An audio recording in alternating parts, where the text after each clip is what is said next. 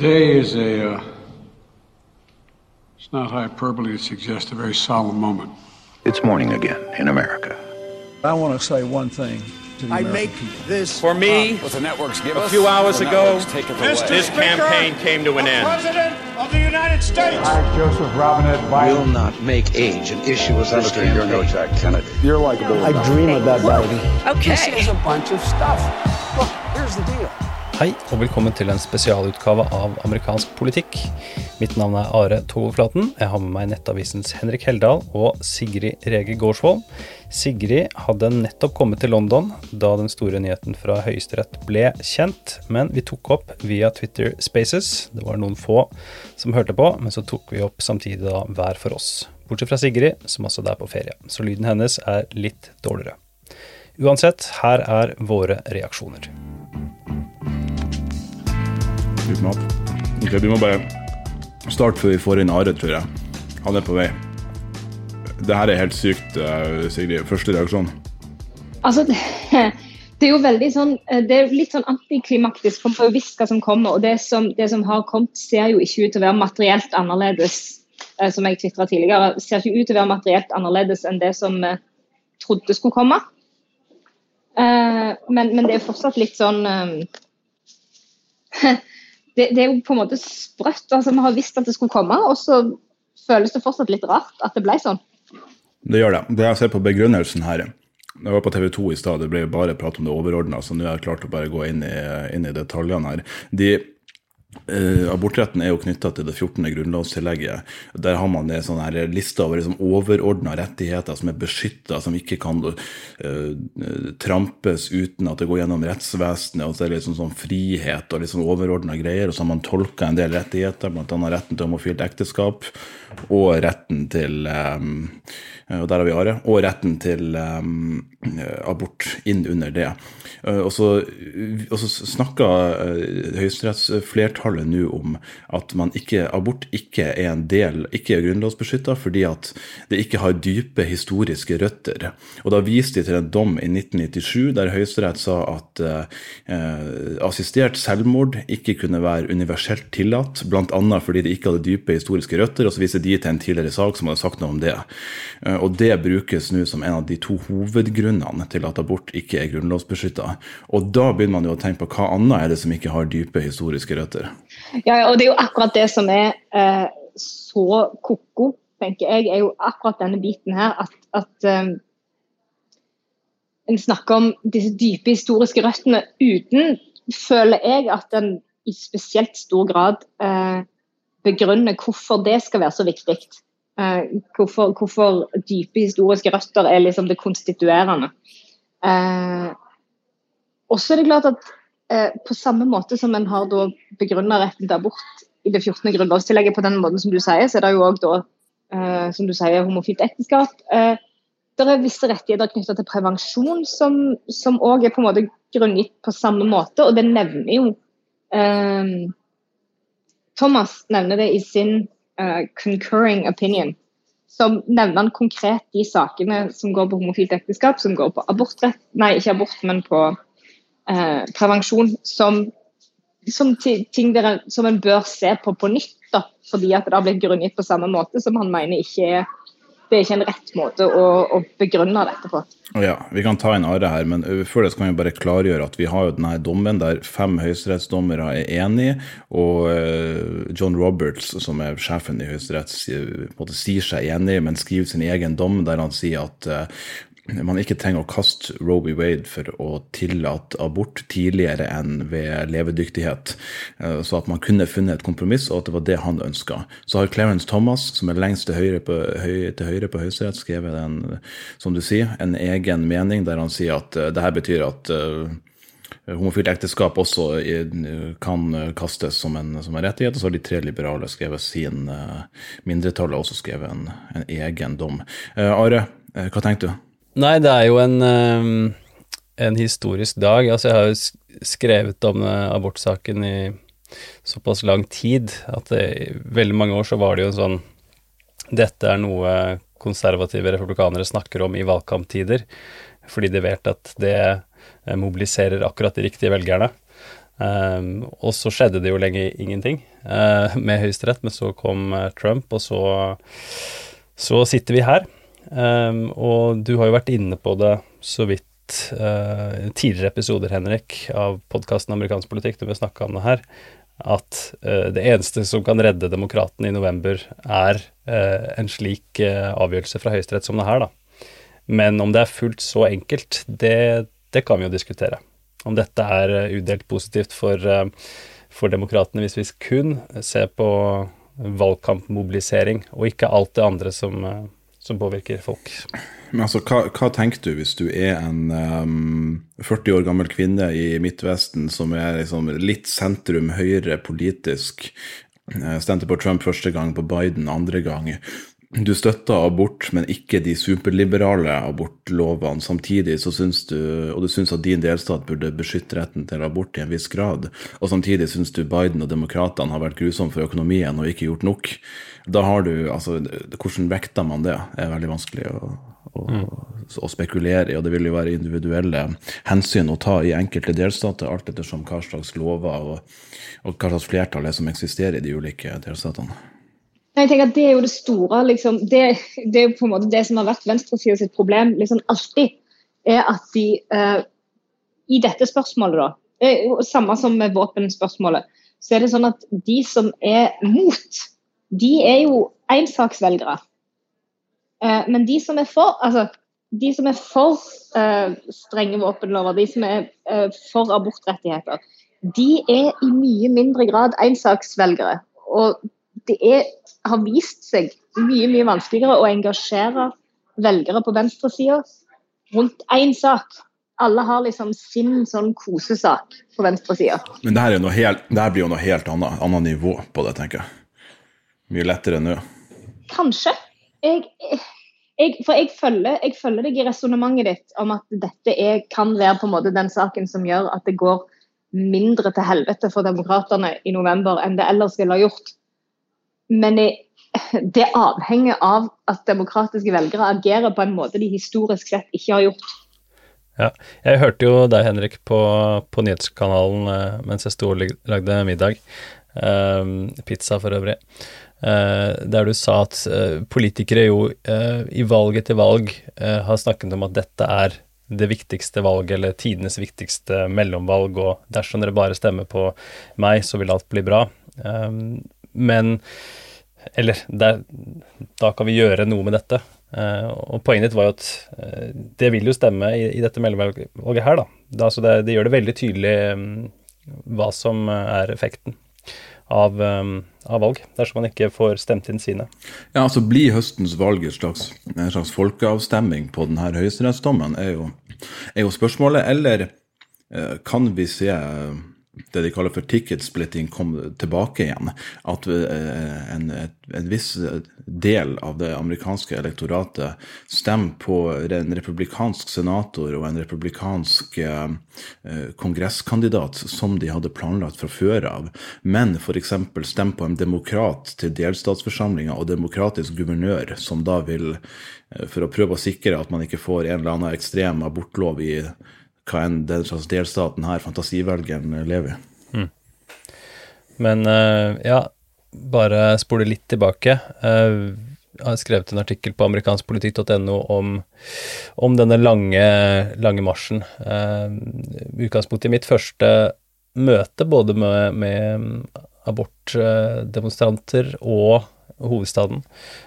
Missouri er jo delstaten jeg har vært mye i, der begge barna mine er født. Og det tok ikke lang tid uh, fra denne høyesterettsdommen var klar, til um, justisministeren i Missouri signerte um, et papir, Sigrid?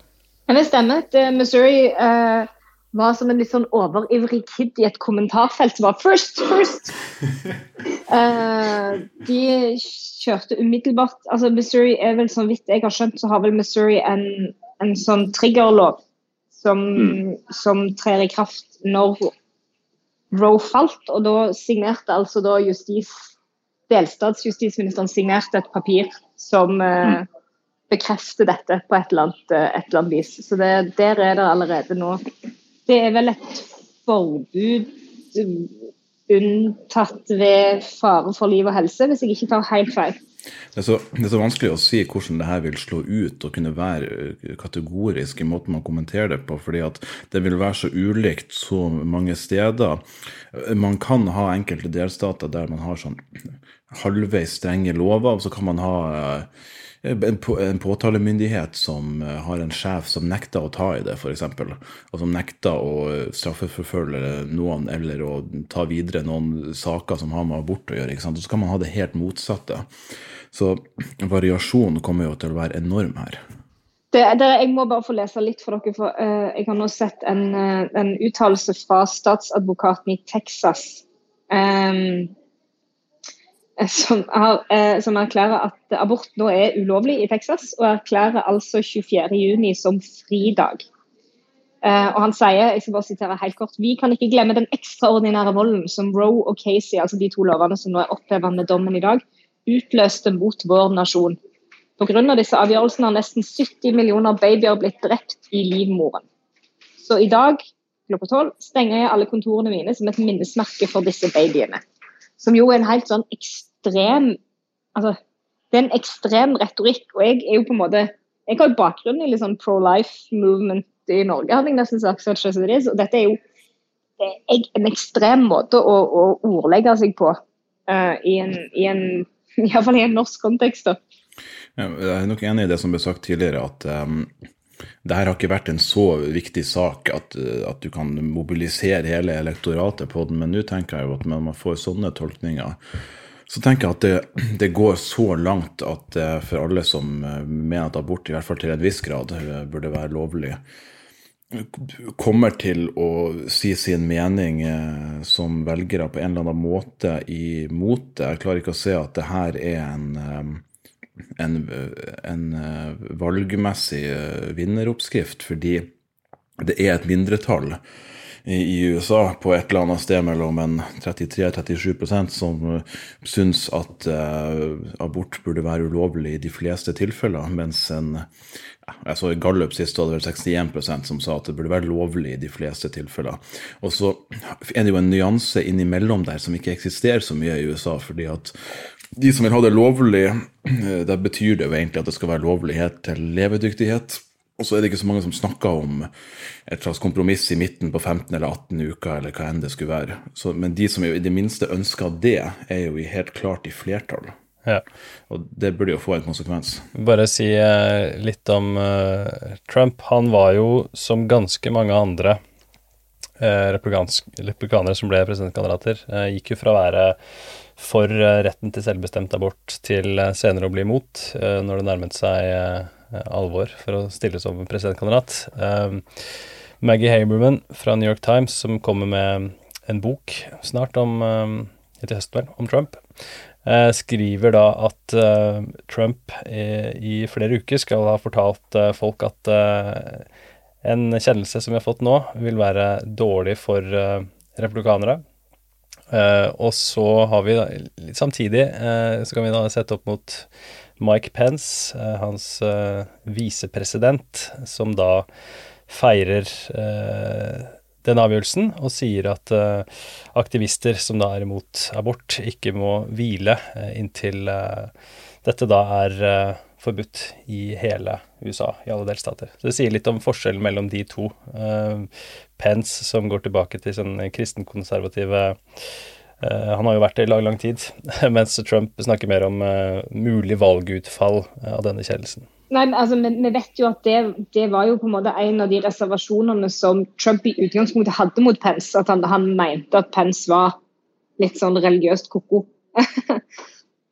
det var noe som han liksom måtte komme over når, når Pence var aktuell som, som visepresident. Ja, eh, det Nå tenker jeg jo litt på, tilbake på, eh, på, Ruth Bader Ginsburg her, selvfølgelig, som, eh, som gikk bort høsten 2000, 2020.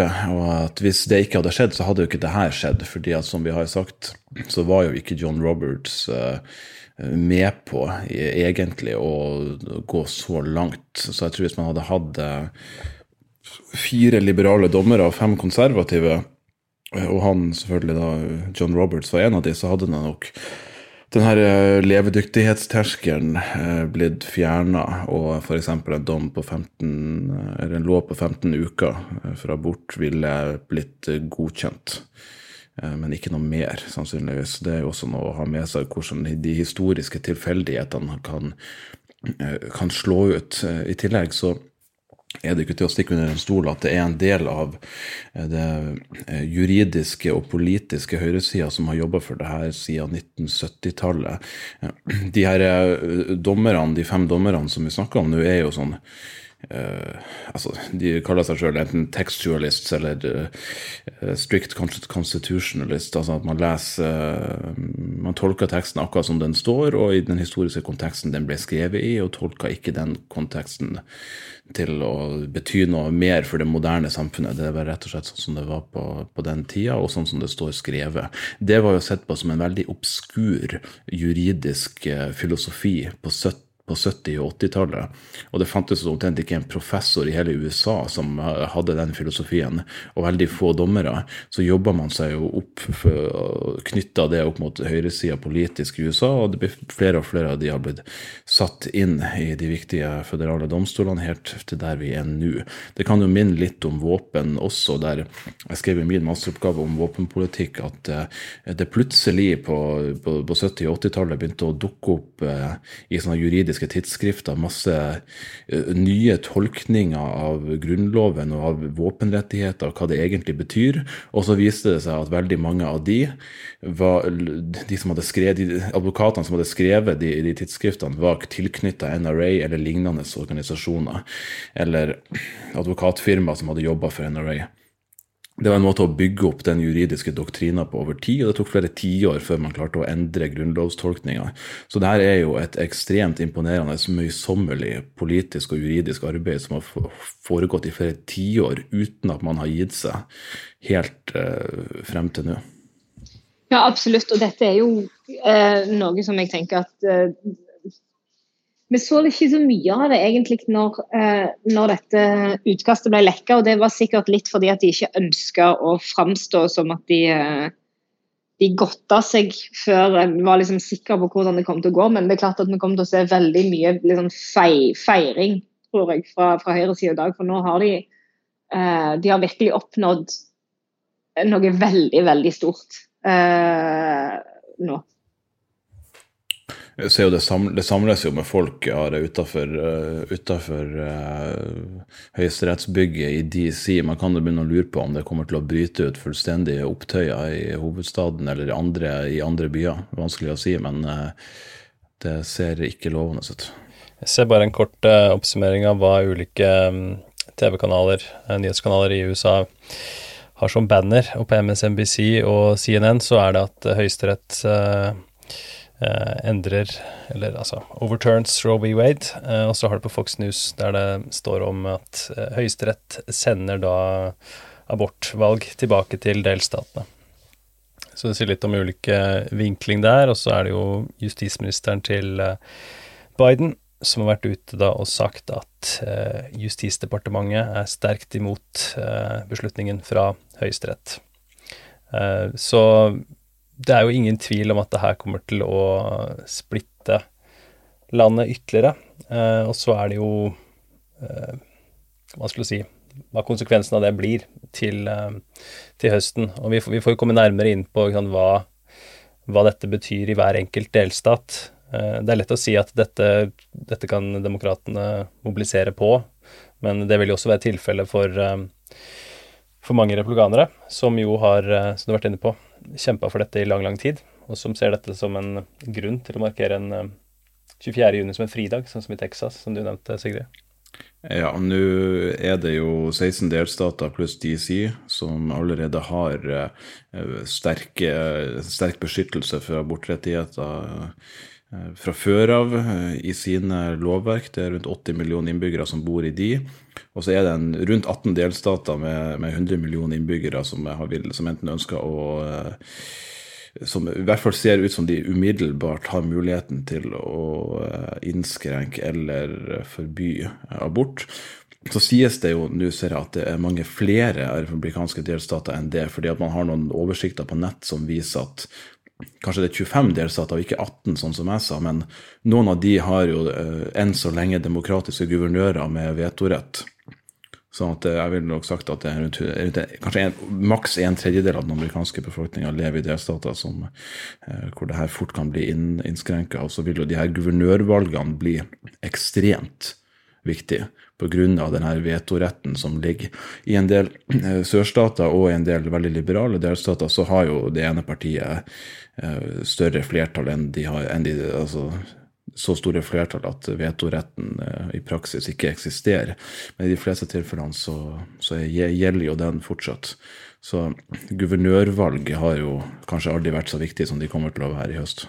Og så er det Susan Collins, senatoren fra Maine, som var en av nøkkelstemmene for å godkjenne Kavanaugh, som sier da at uh, denne avgjørelsen uh, ikke er uh, konsistent med hva han sa i høringene, sammen med Gorsuch.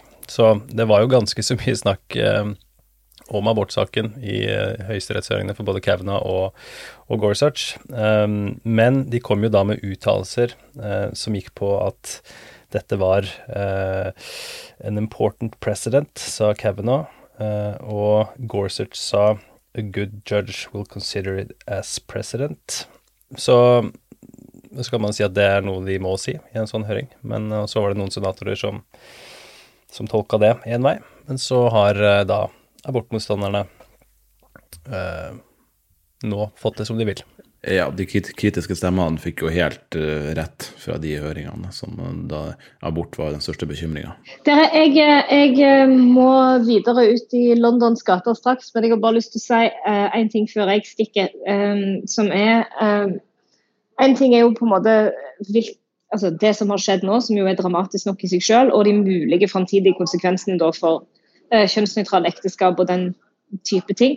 Men så er det òg veldig viktig å ha med seg, tenker jeg, at retten til abort som ble nedfelt i Roe v. Wade, ble utleda fra en rett eh, til privatliv, som òg er utleda fra Grunnloven.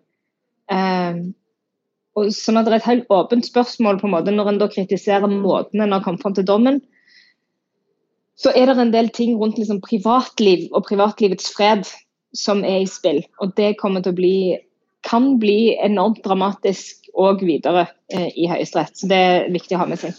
Helt enig. Sigrid, nå må du få lov til å gå tilbake til å være en god mor som har tatt tiåringen sin, på en tur som hun har gleda seg veldig lenge til. Så det, det, skjønner jeg. Eh, hvis du avslutter med det, eh, så kan jeg avslutte med å, med å si at det blir spennende å se om det er delstater som tester de lovene til altså gå på privatliv, prevensjon og og homofile ekteskap. fordi man ser at denne Mississippi-loven som det her handler om, som gikk på 15 uker, det var jo bare en sånn smokescreen-greie. De uh, gikk jo, Guvernøren har jo allerede vært ute og sagt at å nei, 15 uker, det var bare tull. Og vi har jo en lov her uh, fra gammelt av som sier at det er helt forbudt, så det er den vi skal bruke, ikke den 15 uka.